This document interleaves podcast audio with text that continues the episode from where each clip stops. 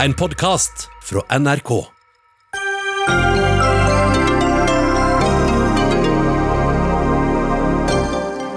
Han eh, trakk sitt siste pust under kneet til en politimann. I dag begraves George Floyd i USA. Nå spekuleres det om hans død kan bidra til et presidentskifte i USA. I Bergen vil MDG rive et gammelt maleri av fru Justitia som tråkker på en svart mann. Ordføreren ber MDG la kunsten være i fred, og heller finne viktigere områder for å bekjempe rasisme. Var det Sør-Afrika som sto bak drapet på Olof Palme? Drapsetterforskningen har vart i 34 år. Dokumentene fyller 250 hyllemetere. Kanskje får vi en oppklaring i morgen. Og Norge risikerer panikk i en krisesituasjon uten matberedskap, mener Arbeiderpartiet. Høyre sier at Arbeiderpartiet må slutte å skremme opp folk.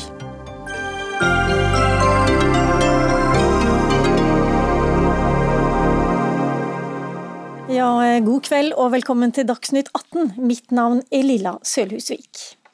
Nå klokken 18 starta begravelsen til George Floyd i Houston, Texas. Floyd døde som kjent av kvelning under en politiarrestasjon i Minneapolis. George Floyds båre har tidligere blitt vist fram under minnestunder i Minneapolis, hvor han bodde, og i North Carolina, hvor han ble født. I dag har Floyd, Floyd nådd sitt siste hvilested, Houston, Texas, hvor han også vokste opp. Og Sigrid Rege Gårdsvold, du er skribent i amerikanskpolitikk.no. George Floyds død har jo ført til store demonstrasjoner i en rekke land og over hele USA, som kjent. Dette har vi likevel sett før. Er det noe som tilsier at denne gangen så vil USA bli forandra? Det er veldig vanskelig å si ennå.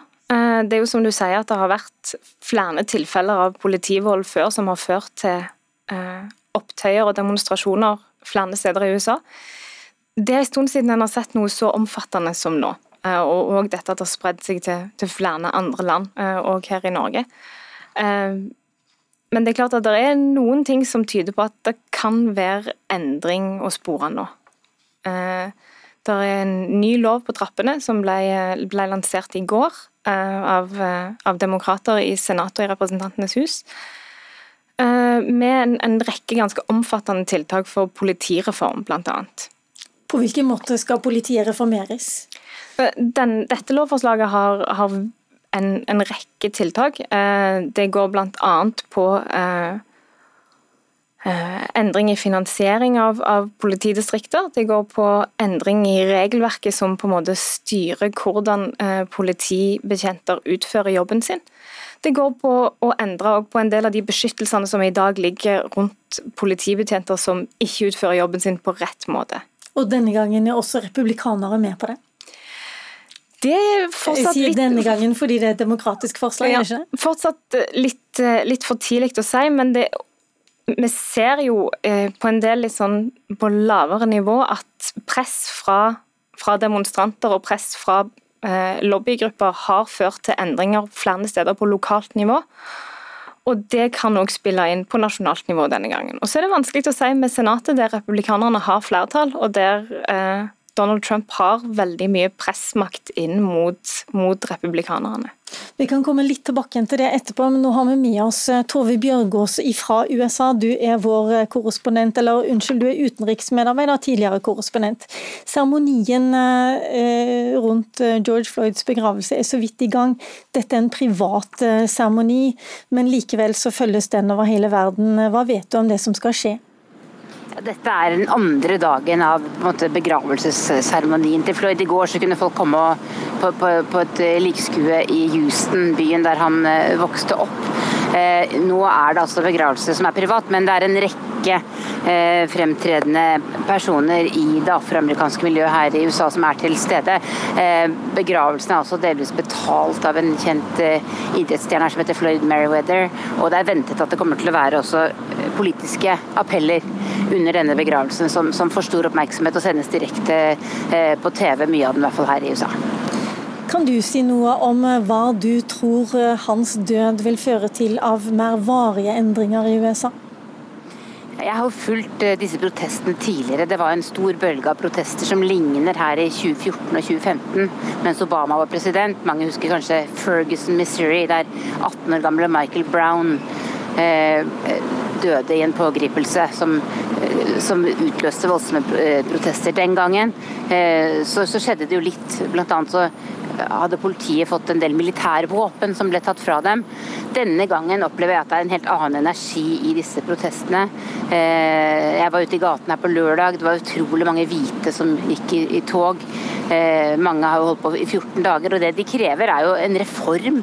Litt sånn som dere snakker om, en total nedbygging av politidistriktene i mange byer, f.eks. i Minneapolis. Og I Minneapolis så har de faktisk eh, byrådet bestemt at de skal begynne det. De skal rett og slett forsøke å ta ned eh, byens politistyrke og bygge den opp igjen eh, på nytt. Hvordan de skal gjøre det, det vet ikke jeg, men, men mange av disse byene har nå skjønt at de må gjøre noe drastisk for å få slutt på protestene, og meningsmålinger viser også at dette er en sak et flertall av amerikanerne støtter.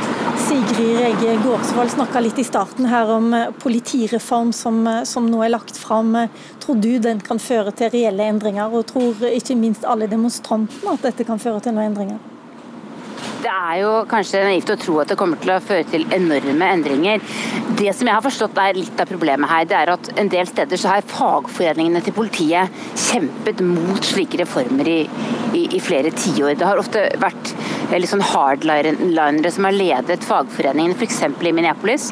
Eh, og de har beskyttet veldig offiserer, politifolk som har blitt involvert i voldelige pågripelser.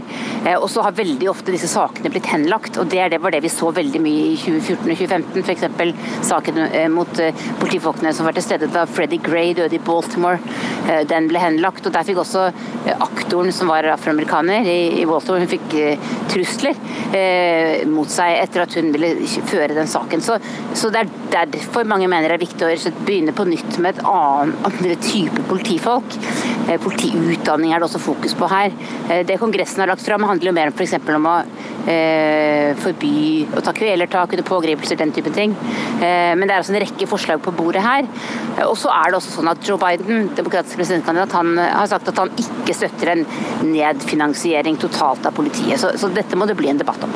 Og Da lurer vi også litt på om Joe Biden er en mer sannsynlig presidentkandidat eh, nå som, som Trump får større motstand?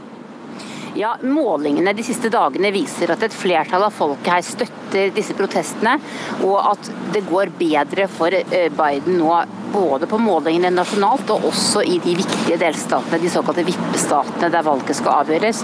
Men jeg minner om at det er juni og at det er lenge igjen. Sigrid Reger Gårdsvold, hva tror du? Tror du Joe Biden har styrka sitt kandidatur til å bli den nye presidenten i USA pga. dette som skjedde rundt George Floyd? Ja, det tror jeg. Eh, samtidig så er det jo sånn at eh, eh, Donald Trump han, han, trives når det er kaos. Eh, når det er opptøyer og demonstrasjoner som, som, av en eller annen grunn utarter. fordi at han da kan han stå så kan han rope 'law and order', og så, og så vinner han en del støtte på det. Eh, men det er klart at eh, Joe Biden leder på målingene. Han leder mer enn Hillary Clinton gjorde på noe tidspunkt for fire år siden. Og det er klart at eh, for, eh, for mennesker med en annen hudfarge enn hvit, så er det klart at eh, Donald Trump gjør seg ikke mer attraktiv med måten som han prater rundt disse demonstrasjonene. Men du sa det sjøl, det er mange måneder fortsatt til valget i USA, og du er hjertelig velkommen tilbake igjen for å snakke om det som skal skje innen valget foregår. Tusen takk, Siri Rege Gårdsvold og Tove Bjørgaas, også i USA. Dagsnytt 18 alle hverdager klokka 18. På NRK P2 og NRK2.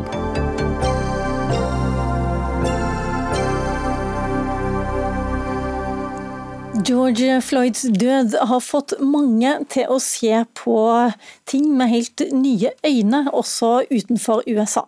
Her hjemme blir et maleri i bystyresalen i Bergen i alle fall eh, sett på med nytt blikk. Maleriet 'Justitia' av den romerske rettferdighetsgudinnen viser en mørkhuda person som ligger under eh, gudinnens føtter. MDG ber nå om at det 250 år, 58 år gamle kunstverket må fjernes. Og Pål Johannessen, du er bystyrerepresentant i MDG. Dette bildet er et bestillingsverk altså, som ble malt for å henge i rådhushallen. Hva er grunnen til at det bør fjernes nå, syns du? Ja, altså Maleriet var en bestillingsverk i 1762. Det er jo før Grunnloven, det er før demokratiet i Norge fant sted. Så da stiller jeg litt spørsmål om det er en riktig symbol å ha i en bystyresal som skal representere, og så er på en måte stedet hvor politikk skal utvikles uh, framover. Fordi den hører tydeligvis til, til en helt annen tid. Men skjønner ikke bystyrerepresentanten i Bergen at konteksten var litt annen eh, da i hva var det du sa, 1762? Ja, hva, hva, hva tenker du var annerledes da? Ja, nei, det kan du godt si. Det vet jeg faktisk altså, jeg ikke. Tid, jeg tenker det er en tid hvor Europa var, var ute i verden og erobra verden og opprettet mange kolonier rundt mm. omkring. Jeg er født i Australia. Det er jo, jeg er født i en av de landene som blir på en måte grunnlagt tilbake i 1788. Og så har det gått ganske forferdelige ting der nede med, med hvordan de, de rådet over urbefolkningen som fantes. Så og Det fortsatt like mye strukturell rasisme i mange av disse landene som har, eh, som har vært koloniserte tidligere. Mm. Så, så og så er det direkte koblinger mellom den eh, verdensøkonomi som ble etablert den gangen, til hvordan vi, vi holder på med ting fortsatt i dag.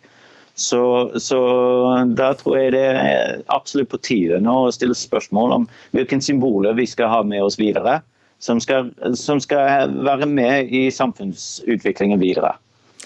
Vet du hva, Jeg har lyst til å stille det spørsmålet videre til direktør for Universitetsmuseet i Bergen, Henrik von Achen. Kan du gi en kunstfaglig uh, forklaring på at fru Justitia, som jo er rettferdighetsgudinne, skal plante foten sin opp på en svart mann? Det er vel ikke helt riktig å gjøre sånn mot et menneske for 250 år siden heller? Nei, nå snakker vi jo om et, et maleri som er malt inn i en ganske bestemt uh, tradisjon. og det er slik at vi, akkurat når det dreier seg om dette maleri, faktisk har hva maleren selv mente. For han har laget en beskrivelse 25.8.1762, så skriver han ganske utførlig om hva det er han har malt.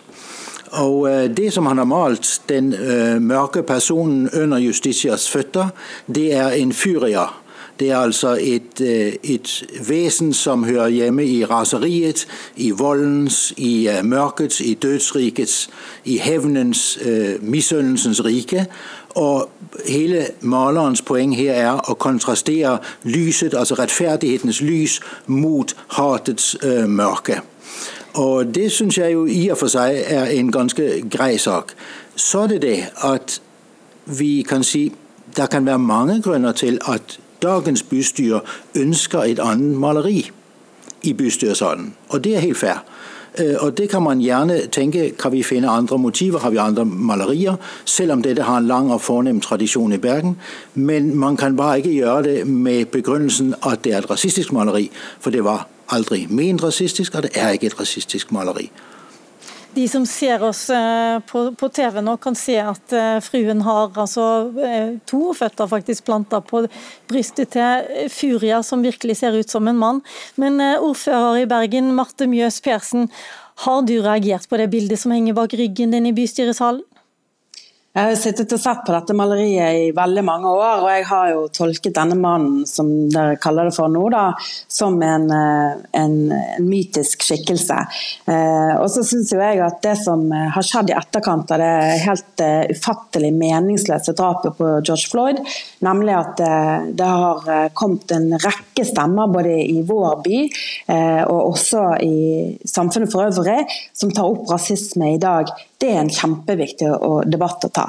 Jeg sitter her nå og diskuterer et maleri i bystyresalen med to kunsthistorikere. Jeg har selv ikke noe særlig greie på på kunst, eh, men jeg er veldig opptatt av at vi skal høre de ulike stemmene. og Derfor syns jeg på en måte at eh, det å fjerne dette maleriet det er litt en avsporing av en kjempeviktig debatt som nå bør handle om den hverdagsrasismen og den strukturelle rasismen som er i både vår by og i landet vårt for øvrig. Og som ikke kan skille seg fra den historien. Som også Johannessen er inne på, så er dette er også vår historie i Norge knyttet til slavehandel eh, i tidligere tider.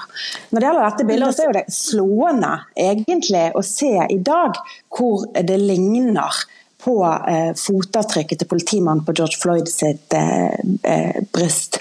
Og Det viser jo også noe om at kunsten, også satt i nye sammenhenger, kan gi oss nye perspektiver. Men er ikke det en ekstra jeg... god grunn til å fjerne det i så fall? Hvis det minner så mye om fotavtrykket som, som, som drepte, egentlig, eller som kan ha drept George Floyd? Jeg synes jo at jeg har et veldig ambivalent forhold til dette maleriet. for å være helt ærlig. Jeg syns ikke det er noe særlig pent. Jeg syns egentlig at det er ganske eh, grelt maleri. og For min del så eh, kan vi godt fjerne dette. og Dette handler ikke egentlig verken om mitt personlige syn eller noe som helst.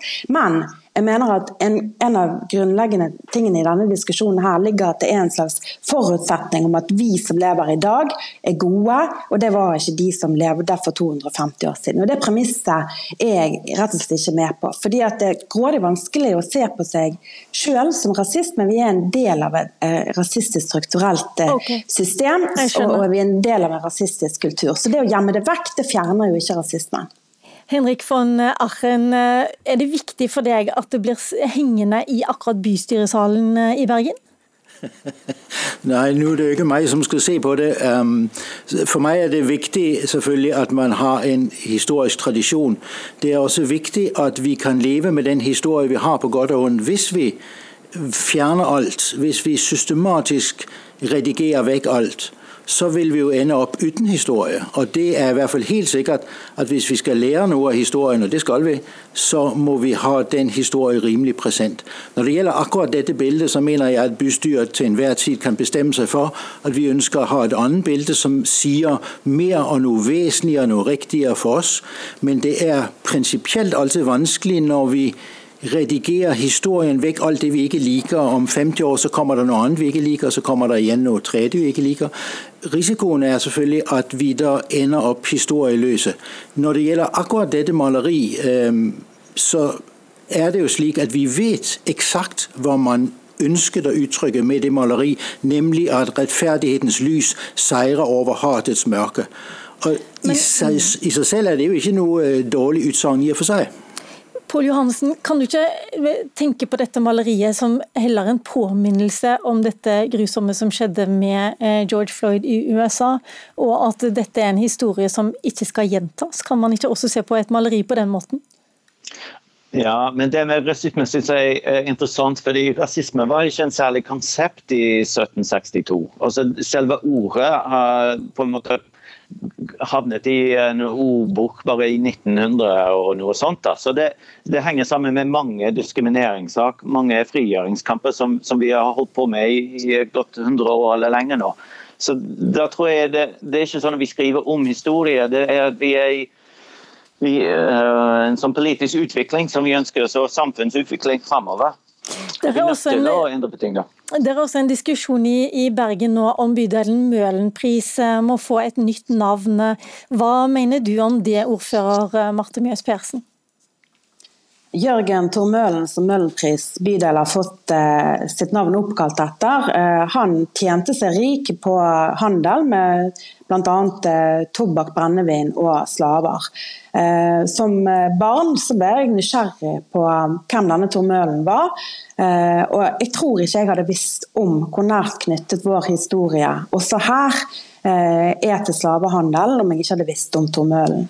Så jeg tenker jo at Det som eh, er viktig for å sette søkelys på dette, det er jo at vi lærer barna ikke minst Møhlenpris som en svært eh, mangfoldig bydel, om Tor Møhlen og sammenhengen mellom rasismen som foregår i dag, og slaveriet som foregikk. Og at ikke det bare, bare i gåseøynene noe som eh, skjedde i USA eh, på 1800-tallet, men som også Norge og Dan Danmark-Norge var en del av, og en viktig del av.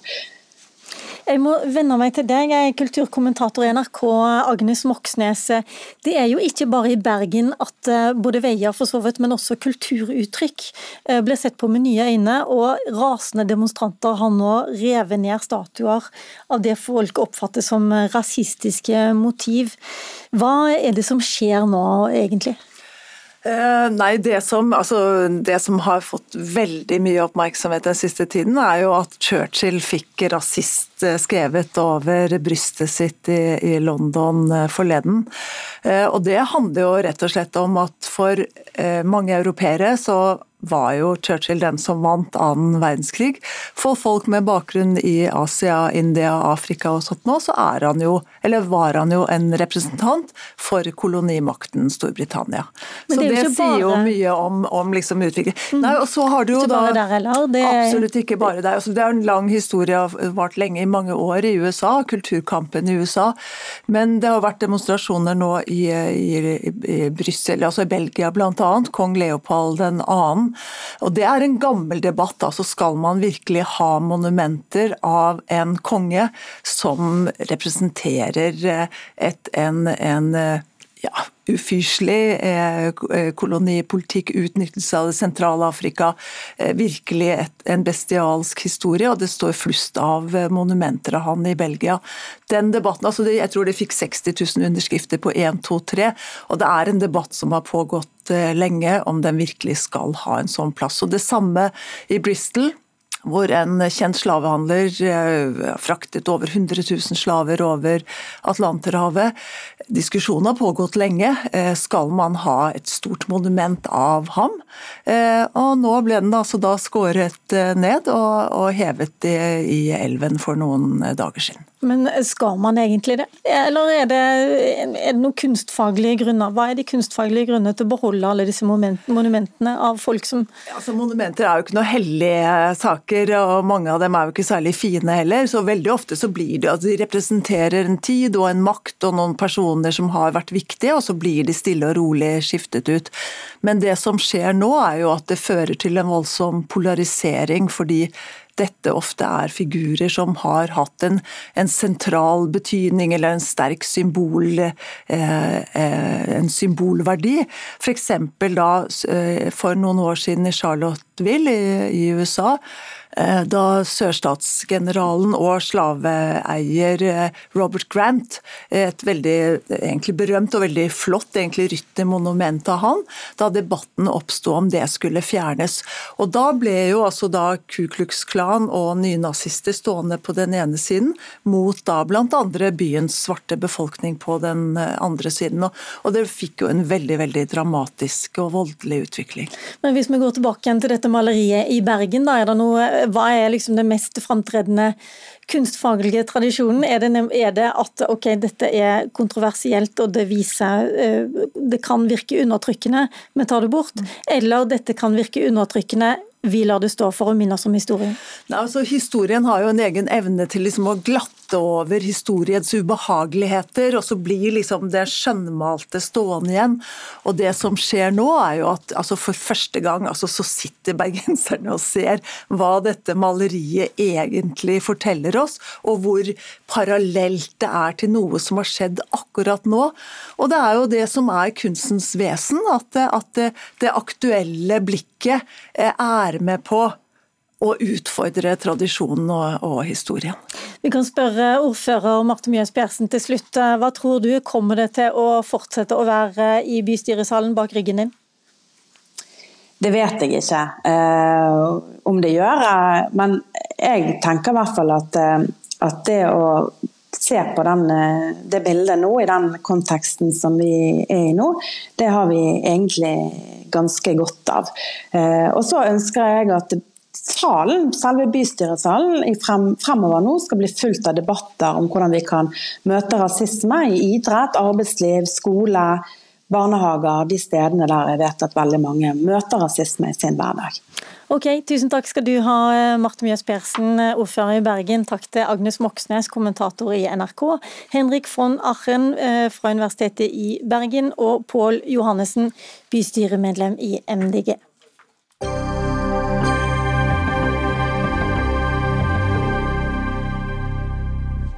Motstanden mot vindkraft ser ikke ut til å roe seg. I dag sa Stortinget nei til å hastebehandle et forslag om å stoppe utbygging av vindkraftverk som er brakt inn for domstolene. Ifølge Frp så betyr det at Stortinget nå har gitt en blankofullmakt til utbygging av vindkraft, også i kommuner som slett ikke vil ha de planlagte vindturbinene. Og Else May Norderhus, du er stortingsrepresentant i Arbeiderpartiet. Det var dere i Arbeiderpartiet som sørga for å sette en stopper for dette forslaget. Dere kunne ha gitt eh, Frp, eh, bidratt til et flertall sammen med Frp. Hvorfor stoppa dere det? Det er jo sånn at det Forslaget her ikke er i tråd med forvaltningsansvaret vårt, eh, og derfor stemte vi imot. Men det betyr ikke at vi ikke syns det er en krevende situasjon, og at vi ikke forstår at folk er både forbanna og frustrert i den situasjonen som de står overfor.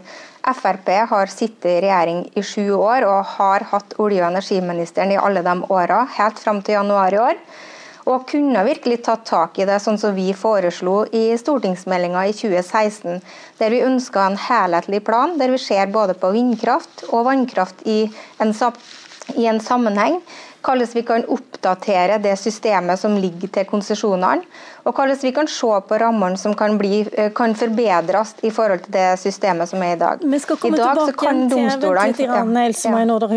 Vi skal komme tilbake igjen til hva mulighetene Frp har hatt. Men akkurat nå hadde jo dere en mulighet til å stoppe det i Stortinget. Og hvorfor sa dere nei? Hva, hva var begrunnelsen? Forvaltningsbegrunnelsen? Begrunnelsen er jo, ja, Det var nettopp den jeg tenkte jeg skulle ta. for at ja. Begrunnelsen har jo med at domstolene i dag kan stoppe opp den situasjonen som er, og vente til eventuelle avgjørelser. Det som er på politisk ansvarsnivå her, er jo de overordnede rammene både i forhold til rettsvesenet og i forhold til konsesjonene. Jeg tror ikke Jon Georg Dale har vært interessert når han satt som samferdselsminister at vi skulle blande oss inn på Stortinget i de ulike konsesjonene på veiutbygging heller. Dette er et prinsipielt eh, ansvar som vi tar, eh, men det betyr ikke at vi ikke syns at eh, situasjonen er virkelig er anstrengt nå. og Da er det statsråden som har det operative ansvaret for å gjøre grep her. Så Det er egentlig kun Tina Bru som kan ta tak i det og overstyre det som skjer i dag.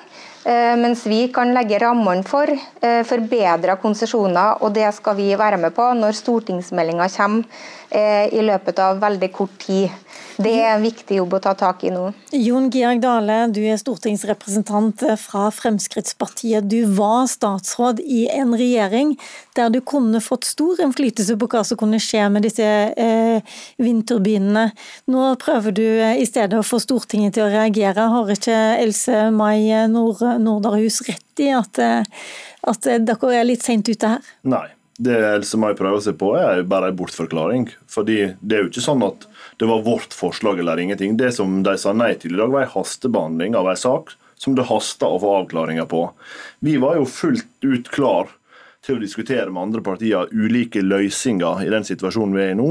Bare vi klarer å ivareta det behovet som veldig mange i lokalbefolkninga føler. Men du har vel rett i at hvis du hadde sittet i regjeringen, så kunne du bare tatt det opp med olje- og energiministeren, som i så fall hadde vært fra Frp? Det er helt rett. Og det kan du jo si at det er jo åpenbart at på disse sakene så hadde vi Eh, kunne ha styrt enda strammere hvis vi satt i regjering. Det hadde vi jo for så vidt også signalisert, at på en del av disse sakene, som hadde gamle eh, konsesjonsvedtak gitt tilbake til ja, midt på 2000-tallet, så var det fullt mulig å gi beskjed om at de får oppsettende virkning til de er avklart om de skal videre. Og Hva hindra dere i de seks årene nei, dere hadde til rådighet? Men, men, så gikk vi da ut av regjering. Og da får, hva hindra ja, dere i de seks årene dere hadde til rådighet? Men da, svar på det ja, først. Men da, svar, men da foreslår vi akkurat det samme som vi sa når vi satt i regjering i Stortinget, og med det er linja konstant. Og så er det helt rett når vi satt i regjering, gjorde vi flere grep fordi vi ikke skal havne i disse situasjonene framover. Vi var ærlige på at det er ikke alle plasser du kan trekke tilbake konsesjoner som allerede var gitt. Men det vi sa, det var at de må få lov å prøves for domstolen. Fordi vi har sett at det har vært mye endringer fra det som var gitt konsesjon på, til det som faktisk ble bygd. Det er helt andre prosjekt enn det konsesjonssøknaden opprinnelig inneholdt. Og Da sa vi når vi satt regjering at det må vi prøve å få til. Sørge for at domstolene får tatt stilling først. Det foreslår vi nå i Stortinget, men får ikke engang hastebehandla det fordi Arbeiderpartiet stopper det. Kan jeg bare spørre, Betyr det at ingen vindturbiner ville bli bygga så lenge saken var i rettsvesenet? Det, for å sitere andre Frp-ere, så kan jo det ta veldig lang tid. Det kan ta veldig lang tid, men det vi har sett og det. Det, men det vi har sett på vindkraftsakene nå, er jo at en del av disse prosjektene er vesentlig endra fra det, da det først var gitt konsesjon. Det betyr at det er både flere vindmøller, ikke, ikke minst betydelig større omfang på prosjektene. Mye mer uvant i naturen og lignende. Og det er det som er situasjonen nå. Stortinget går fra hverandre om halvannen uke. Det var fram til det tidspunktet Stortinget hadde mulighet til å gripe inn og si hallo, eh, dette eh, konfliktnivået som er i vindkraftsakene nå, det er ingen tjent med. Ikke de som vil ha vindkraft, ikke de som er motstandere av vindkraft, ikke kommunene som er reguleringsmyndighet, ikke grunneierne som har gitt tillatelse til å bygge dette i første omgang. Derfor må vi la domstolene prøve disse sakene før vi går videre med bygging. Det kunne Stortinget gitt signal om. Vi kunne ha funnet løsninger på tvers av partiene som sto seg. Men Arbeiderpartiet unnlater å gi oss sjansen, fordi de avviste hastebehandling i dag. Norderhus. Ja, jeg hører på Jon Georg Dale her og lurer på hvor han har vært hen, egentlig. Fordi at jeg tenker at eh, Når det er snakk om konsesjoner som har blitt endra, eller aktørene har endra eh, kanskje høydemeteren på vindmøllene, eller endra grep i, fra de har fått konsesjon og fram til nå, så er det jo nettopp det man burde gjort, tatt grep om. Og ikke minst burde Frp gjort det når man satt i regjering. Og det er vi helt enig i at det må skje. Så jeg tror og eh, Frp har god støtte på det punktet der. Nå kommer det en stortingsmelding i løpet av neste uke som vil bli behandla. Da må vi legge rammene for det framover. Vi ønsker å ha med Frp på en helhetlig plan i forhold til denne konsesjonsbiten i 2016. Da sa de nei. Da satt de i regjering. Ok, men La oss, la oss snakke litt om La oss bare bruke de siste sekundene, og jeg snakker mm. sekunder nå, Dale. Hvor mange eh, vindkraftprosjekter ville egentlig bli utbygga hvis du hadde fått viljen din i Stortinget i dag? Det vet ikke vi, eh, og det får vi heller aldri vite. og Det som er synd med det, er at i dag kunne vi gitt folk, næringsinteresse, lokale aktører en reell mulighet til å få prøvd sakene sine for domstolene før vi begynner å bygge, f.eks. på Haramsøya på Sunnmøre. Det får de ikke sjanse til nå, fordi Arbeiderpartiet har hengt seg opp i formaliteter og avviser forslaget helt uten å gidde å diskutere det engang. Okay, det vil jeg gjerne si nå. da får du ti sekunder. Det vil jeg veldig gjerne si nå. for det, ja, for Arbeiderpartiet lokalt har muligheter til å gjøre grep og, ta, og, og være med å hjelpe til for å sende inn klager lokalt. og Det gjør både ordføreren vår, fylkesordføreren vår, og det har de sin fulle rett til. Og de kommer til å gå rett på Tina Bru i forhold til hvordan de skal håndtere det. Så okay, vi, vi jobber med saken. Takk skal du ha, Else May Norderhus og Jon Georg Dale. Det blir ikke den siste vindkraftdebatten her. Hør Dagsnytt 18 når du vil. Radio nrk.no.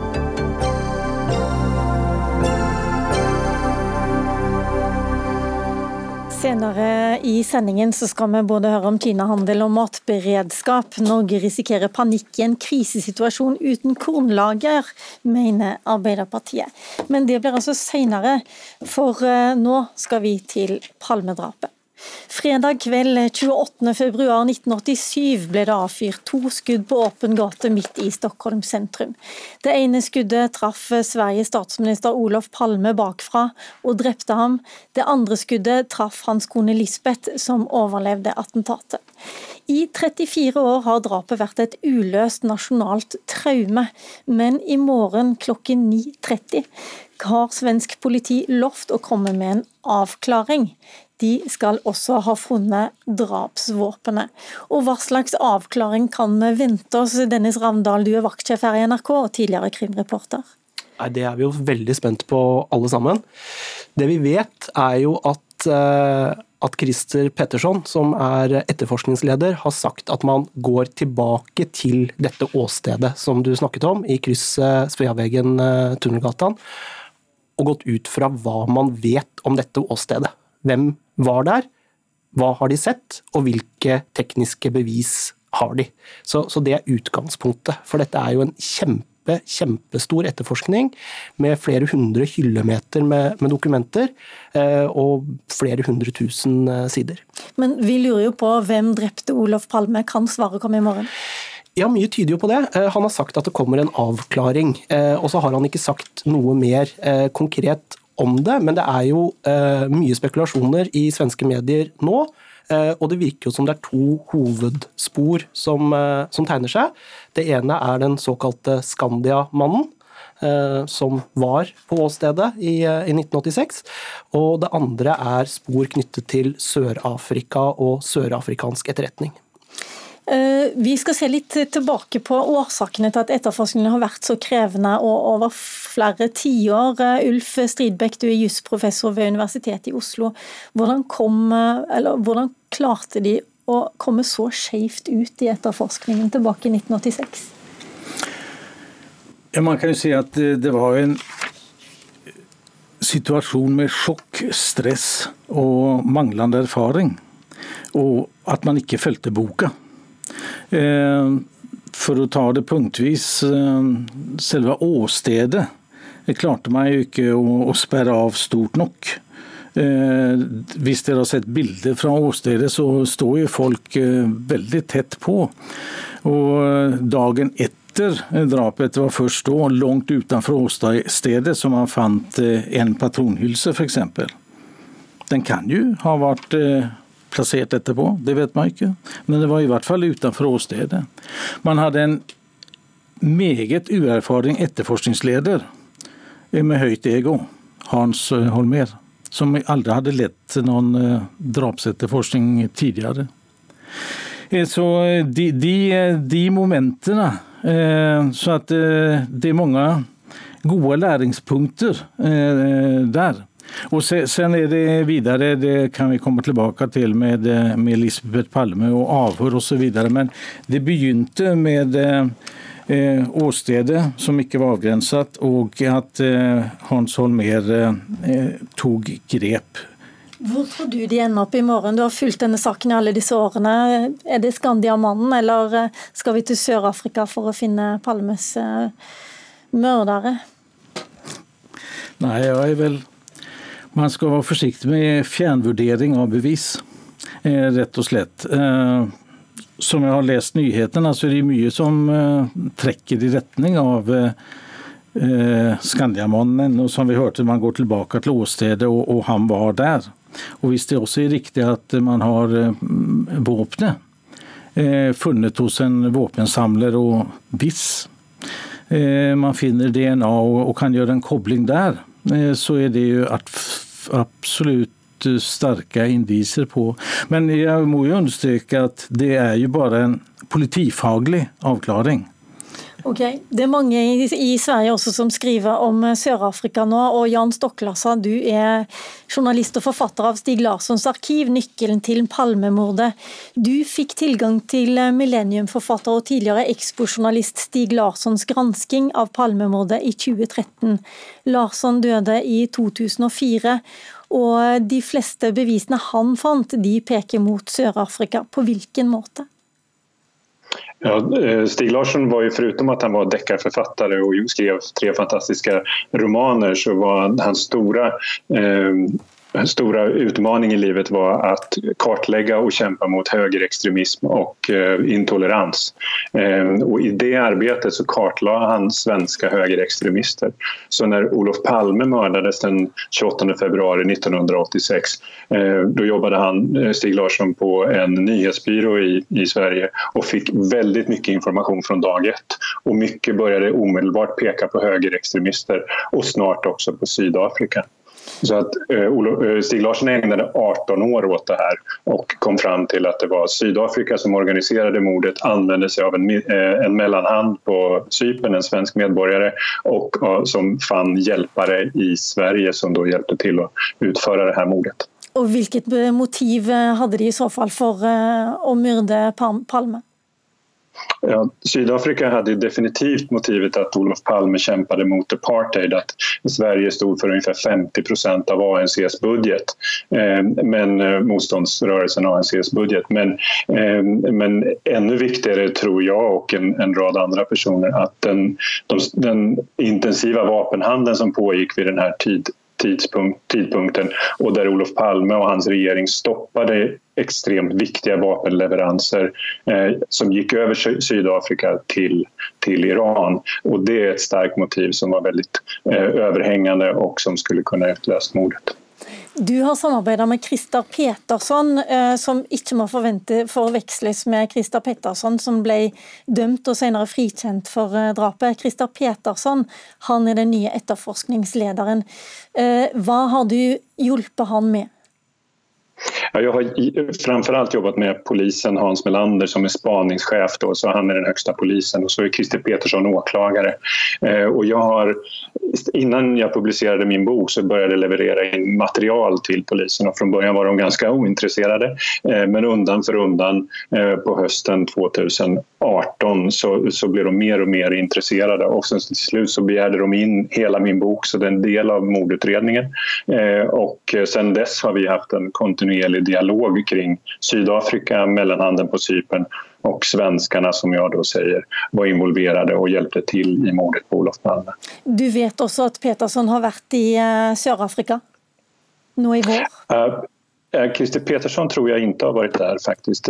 Han, han tillhör en riskgrupp så han kan, kunde inte resa men, men svenska polisen, representanter för svenska polisen har varit i Sydafrika och träffat den sydafrikanska säkerhetstjänsten och det skedde så sent som i mars i år. Eh, Dennis Ravndal, det ble en ny omdreining i hele etterforskningen da Christer Petersson eh, kom inn eh, for noen år siden? Ja, det er som vi var inne på før i dag. Han ønsket jo å starte på nytt, starte på scratch. Han er jo en svært erfaren politijurist som har hatt flere store saker i Sverige, bl.a. drapet på, på Anna Lind. Og, og, han ønsket jo da å, um, å, på en måte starte litt som det vi forbinder ofte med cold case-saker, altså saker som har stanset opp og, og etterforskningen ikke er aktiv lenger, eh, og, og begynne ved begynnelsen. Eh, og det kan jo se ut som, eh, som dette har, har, båret frukter. Det får vi jo se i, i morgen. Og som det har vært inne på her, det har jo vært en utrolig mengde eh, med spor og teorier i denne saken. Eh, Hans Holmer eh, han gikk jo inn på, på PKK-sporet og, og, bandt seg til det lenge. Christer Petterson, altså ikke politijuristen, men, men blandingsmisbrukeren, som ble dømt for dette først i, i tingretten og så frikjent i, i hovedretten. Og altså, det har vært eh, CIA har vært etterforsket, eh, det har vært etterforsket ulike spor i, eh, i Midtøsten. Det har vært det såkalte polissporet med høyreekstreme politifolk. Kort sagt, det aller meste har vært innom denne etterforskningen. Så jeg er fryktelig spent på å se hva de faktisk kommer med i morgen, og om det blir satt et endelig punktum.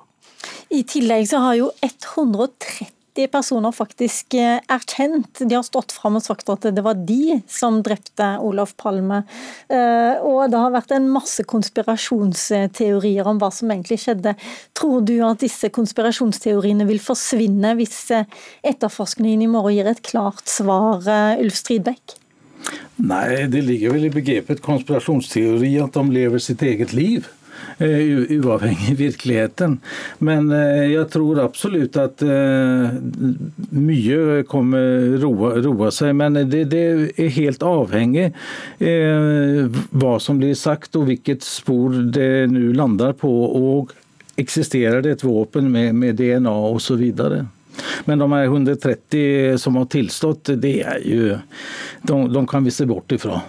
Det sier vel litt om eh, størrelsen på denne etterforskningen, at så mange har stått fram og tilstått, og alle kan i hvert fall ikke ha gjort det. Jan Stokklassa, eh, har du noe peiling på hva politiet vil legge fram i morgen?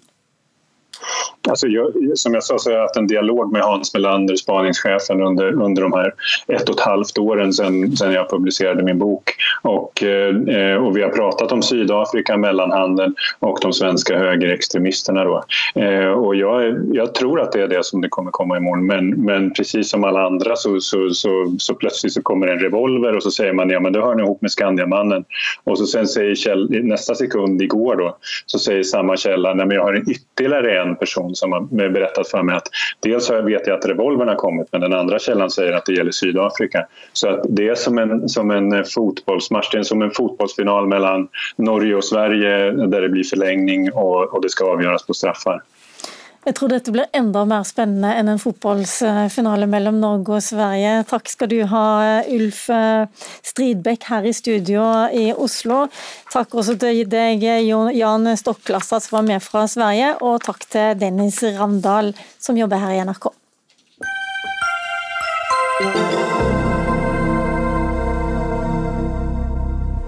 Norge må slutte å legge seg på rygg for Kina og kreve at menneskerettigheter nevnes svart på hvitt i den frihandelsavtalen som regjeringen nå er i ferd med å forhandle fram med Kina. Dette vedtok eh, dere i helgen eh, i Miljøpartiet De Grønne. Sigrid Heiberg, du er utenrikspolitisk talsperson for partiet. Og Hvordan ser du for deg at dette skal skje når menneskerettigheter eh, ikke engang er nevnt i normaliseringsavtalen med Kina? Nei, det er klart eh, Jeg vil innlede med å si at dette er en eh, veldig stor og viktig sak for alle nordmenn og for Norge, som eh, beklageligvis ganske få av oss vet noe særlig om, inkludert oss som er engasjert i politikk. Det vi vet, er jo det som står i den normaliseringsavtalen fra 2016, som er helt horribelt. Og så vet vi at regjeringa lenge har holdt på å framforhandle en frihandelsavtale med Kina, der en, skal, der en altså forhandler om handel med varer og tjenester, med elektroniske elektroniske tjenester med mange viktige saksfelt, eh, men der en ikke stiller noen krav til eh, menneskerettigheter f.eks. i Kina. Og der vi i tillegg, da, for den, Denne saken har liksom to sider. Det ene er at vi, Norge ved å inngå handelsavtaler med Kina verdens største diktatur, med å knytte oss nærmere til Kina økonomisk og politisk, så støtter vi opp om det totalitære regimet som den kinesiske staten er i dag. Jeg sier du at det, ikke bør inngås en handelsavtale med Kina? Kina? Det er i hvert fall en, en, diskusjon som bør tas. fordi ved, Det er helt klart at ved å knytte oss tettere til stormakten Kina, så støtter vi opp om det regimet. Er det noe vi ønsker å gjøre? Det, det stiller jeg spørsmålstegn med. Den andre sida her av saken det er at Kina er en eh, enorm stormakt. Og den, han, den, den, måten vi knytter oss til Kina, eh, det ha, går direkte utover Norges interesse. Ikke sant? Hva er, i, hva er det som skal ligge i denne handelsavtalen? Vi skal gi og ta. Hva er det vi skal gi? For her er Norge absolutt en, en veslebror i forhold til Kina. Altså verdens største stat, verdens største diktatur. Hvilken interesse er det Norge gir opp ved å, ved å inngå en sånn type avtale? Vi er nødt til å få inn tydelige krav i denne handelsavtalen, eller så mener jeg absolutt at dette ikke er noe Stortinget eller Norge kan gå med på. Det er regjeringen eh, du eh, vil stille krav til, og Trine Skei Grande, du er partileder i Venstre og dermed leder for et regjeringsparti, selv om du selv har gått ut av, av denne regjeringen eh, de siste månedene. Du sier til oss nå i ettermiddag at du mener regjeringen bør sette hele frihandelsavtalen med Kina på pause. Hva mener du med det? Nei, Jeg er helt enig med MDG at den normaliseringsavtalen som ble inngått med Kina, ikke var god. Det var Venstre også veldig kritisk til i Stortinget. Eh, så er det sånn at eh, slår, MDG slår inn bare åpne dører når det gjelder menneskerettigheter, klimarettigheter, arbeidstakerrettigheter, good governance, eh, antikorrupsjon. Alle de tingene her er jo nettopp det som er innholdet i en frihandelsavtale. Vi handler masse med Kina i dag uten en frihandelsavtale. Eh, men det er disse tingene man skal, skal bli enige om spillereglene på for å få til en frihandelsavtale. Hva Mitt sier du til Iselin Nybø, som er næringsminister og Venstre-representant i regjeringen? Hva bør hun gjøre nå? Ja, det, det, som jeg mener er helt nytt nå, det er at Kina har brutt en avtale som de hadde med Storbritannia om at Hongkong skulle ha et demokrati, og at Kina skulle erkjenne at Kina var ett land, men to forskjellige systemer. Nå har de brutt det med nye sikkerhetslovene, og da mener jeg at det er et varsko som handler om et kan vi egentlig stole på at Kina holder internasjonale avtaler? Kan vi inngå handelsavtaler med en, et land som bryter avtaler de har med Storbritannia når det gjelder Hongkong? Og Det mener jeg at nå må det stilles spørsmål ved. Eh, så jeg mener at dette vi bør stille i bero inntil vi vet om Kina er et land som faktisk man kan gjøre internasjonale avtaler med. Så alt det som MDG sier her Eh, skal inn i avtalen. Det må selvfølgelig inn i avtalen, men, men jeg mener at nå må vi trykke på pauseknappen til vi vet om dette er et land som holder avtaler. Stiller frihandelsavtalen forhandlingene om den i bero, sier du nå. Er dette noe du har tatt opp med regjeringen? Jeg har tatt opp dette med Venstres representanter, og vi, vi, er veldig opprørt over det som har skjedd i Hongkong. Eh, Venstres stortingsrepresentanter har signert et parlamentarikeropprop eh, på, hele, på verdensbasis med, med, alt fra Amerika, Afrika og mange andre eh, parlamentarikere. og Vi inviterer gjerne også MDG sin representant til å være med på det parlamentarikeroppropet mot det som nå skjer i Hongkong. Eh, vår, kun, vår kunnskapsminister har jo vært over over og besøkt vårt søsterparti i, i Hongkong, og jeg er kjempebekymra for den utviklinga vi nå ser. Da hører du Sigrid Heiberg, utenrikspolitisk talsperson i MDG. Du slår inn åpne dører. Her sier Trine Skei Grande at eh, faktisk så bør forhandlingene gå inn i en pausemodus. Ja, Dette er jo i tilfelle noe helt nytt som Trine Skei Grande kommer med nå. og, og hvis, eh, hvis, hun mener det, eh, så velkommen etter, det er kjempebra. Eh, men eh, spørsmålet er jo da hvordan vil hun faktisk jobbe innad i regjeringen for at dette vil skje? Eh, lover, får vi nå en lovnad fra regjeringen om at denne skal, eh, avtalen skal stilles i bero? Så, så, sier jeg takk for det, og så må vi begynne å diskutere hvilket forhold vi faktisk skal ha til Kina, og hvilket innhold en sånn type avtale kan ha i framtiden framtida. Du bør kanskje snakke med utenriksministeren også, Trine Skei Grande, og statsministeren ikke minst, som har jobba veldig lenge for at Norge skal ut av isboksen etter seks år, som som var, eh, var etter nobelprisutdelingen. Ja, det, og jeg mener jo at vi f.eks. må gjennom en avtale sikre oss at vi ikke havner i en isboks ved en f.eks. en nobelprisutdeling. Men, men, men frihandelsavtale er jo ikke noe sikkerhet for at det ikke er konflikter. Eh, Kina har en frihandelsavtale med Australia f.eks. Der er det full handelskrig akkurat nå. Eh, det, vi ser at eh, det er mange av disse avtalene som, som nå går i stå i, over hele verden, fordi at det er den situasjonen vi er i. Jeg syns man må diskutere Kinas eierskap i Norge. Eh, jeg er bekymra når Kina går inn og jeg blir en stor eier i Norwegian f.eks. med de nye endringene som har vært i Norwegian. Vi så etter forrige finanskrise at det er et regime som arbeider ikke etter slagordet 'Made in China', men 'Owned by China'. Og jeg mener at viktige, viktige deler av norsk næringsliv bør vi sørge for å ha på norske hender, også når Kina er ute på storhandel, for å få tilgang spesielt på infrastruktur i, i andre land. Vet du hva, Trine Skei Grande, jeg tror at du skal få bli ønska hjertelig velkommen tilbake og snakke f.eks. med utenriksministeren om for vårt forhold til Kina. Denne gangen var det med Sigrid Heiberg i MDG, og tusen takk til begge to.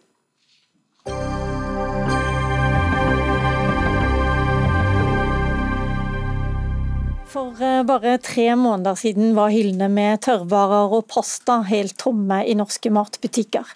Tørrgjær og dopapir var omtrent umulig å finne, fordi mange ble redde samtidig for at butikkene skulle gå tomme. Men så ble det aldri tomt. Og det har aldri vært tomt på lageret heller. Eh, men koronakrisen gjorde at Arbeiderpartiet nå vil tilbake til 90-tallets beredskapstenkning. Nils Kristen Sandtrøen du, Sandtrøen, du er stortingsrepresentant for Arbeiderpartiet og landbrukspolitisk talsperson. Du skriver i Klassekampen nå at mat på lager vil være en billig forsikring, og det er det du vil ha nå. Men er det nødvendig? Felles forsikringer det er nødvendig både for eh, mat og helse.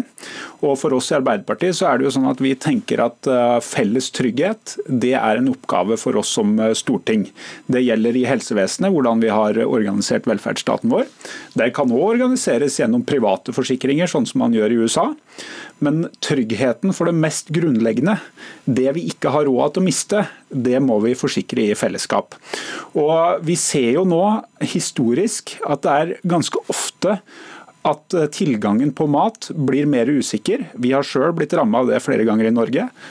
Særlig under første verdenskrig. Da var vi ikke engang en del av de landene som var med i krigen. Men vi ble avskåret fordi vi mista kontroll langs kysten, og dermed ble det manko på mat i Norge. Heldigvis tok vi lærdom, så under andre verdenskrig så hadde vi korn på lager, og dermed så gikk de seks første månedene av andre verdenskrig faktisk veldig mye bedre, sjøl om Norge var direkte okkupert og dermed òg var en direkte del av krigen. Og nå er det seks måneders beredskapslager du vil ha? Ja, Vi må ha et rullerende lager. Dvs. Si at vi kjøper inn nå litt ekstra korn i en periode, og så bruker vi av det.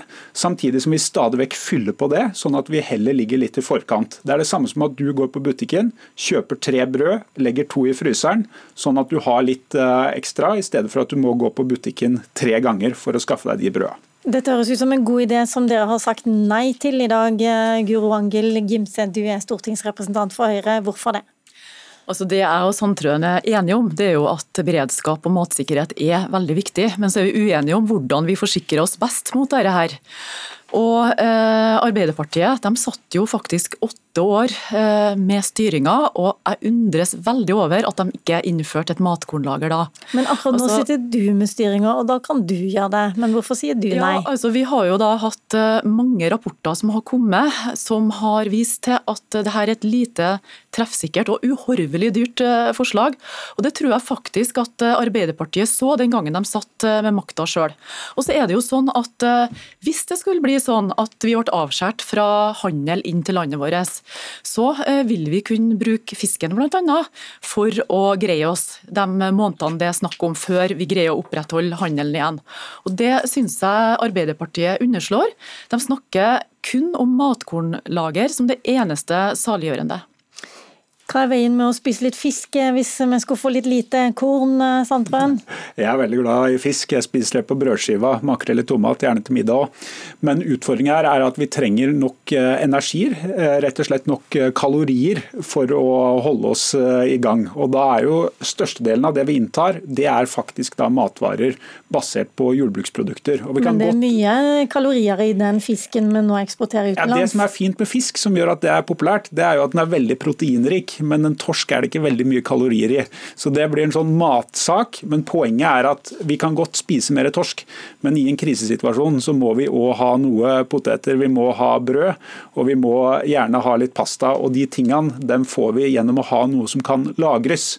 Det er Også, poenget. Så det er, eh, det er det ikke noe som helst slags tvil om. Og men poenget, til da, poenget til, til Gimse her. Yes, og det hadde jeg og tenkt det å komme til. De eksemplene du hadde å legge fram, det er jo gamle eksempler som du kunne gjort noe med mens du satt i regjering. Hvorfor eh, haster det mer nå med beredskapslager? Ja, for det første så ble jeg valgt inn på Stortinget Ja, i 2017. dere, dere. Men eh, når det kommer til Arbeiderpartiet, så foreslo vi det i 2013. Så dette ville jo vært starta opp hvis vi hadde fått fortsatt. Og det skulle vi jo gjerne gjort, og vi er glad for at flere er enig i det. Men poenget her handler egentlig om samfunnssyn. Fordi Margaret Thatcher hun mente en gang at det ikke finnes noe som kan kalles et samfunn. Det er jeg helt uenig i. Arbeiderpartiet har som grunnholdning at det er vår oppgave å sørge for felles trygghet og velferd. og Der tenker Høyre litt mer hver og en for seg. og Det ligger til grunn for at vi har sett at beredskap har blitt nedprioritert på mange eh, plasser. Både på Forsvaret og på mat, og underfinansiering av våre felles sykehus. Nå snakker vi faktisk om en situasjon eh, som da eh, blir sånn at vi er fullstendig avskåret fra handel i Norge. En eh, situasjon der vi må ta i bruk hva som helst. Vi må spise fisken i havet, og vi må også kunne greie oss på mindre energi enn hva vi normalt eh, gjør. Så eh, i den og så har vi også matkornlager i dag. og Jeg må jo vise til den artikkelen og Agenda som Sandtrøen har skrevet, der han faktisk skriver at vi står uten korn på lager. Og det er jo ikke sant, programleder. Vi har eh, massevis på kornsiloene i dag, på Men vi har jo mindre i dag enn vi hadde før. Eh, Det Vi, vi har nok mindre. Vi er jo avhengig av å eh, importere eh, årlig.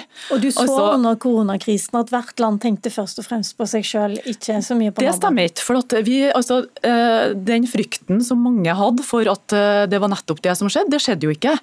Eh, Det var flere enn Norge som så behovet for å opprettholde handel mellom landene. Så faktisk så ble det jo aldri noe matkrise. Handelssituasjonen gikk jo eh, som før, nesten. Så, eh, og Det var noe hamstring innledningsvis, og da så vi også at matproduksjon i Norge Det var det betenkelige, at det var hamstring. og Det betyr jo at det er mange folk i Norge som ikke stoler på at myndighetene har kontroll. og Det er det vi må sørge for, at folk kan stole på at i Norge har vi kontroll hvis det uforutsette skulle skje. Det er derfor vi forsikrer hus mot, mot brann, og det er derfor vi trenger felles ja, forsikring for mat. Vi må stoppe der, for vi har rett og slett ikke mer tid. Takk eh, Nils Kristen Sandtrøen, takk Guro Angel Gimse. Mitt navn er Lila Sølhusvik, teknisk ansvarlig for sendingen Lisbeth Sellereite, ansvarlig produsent Odd Nytrøen. Takk for oss.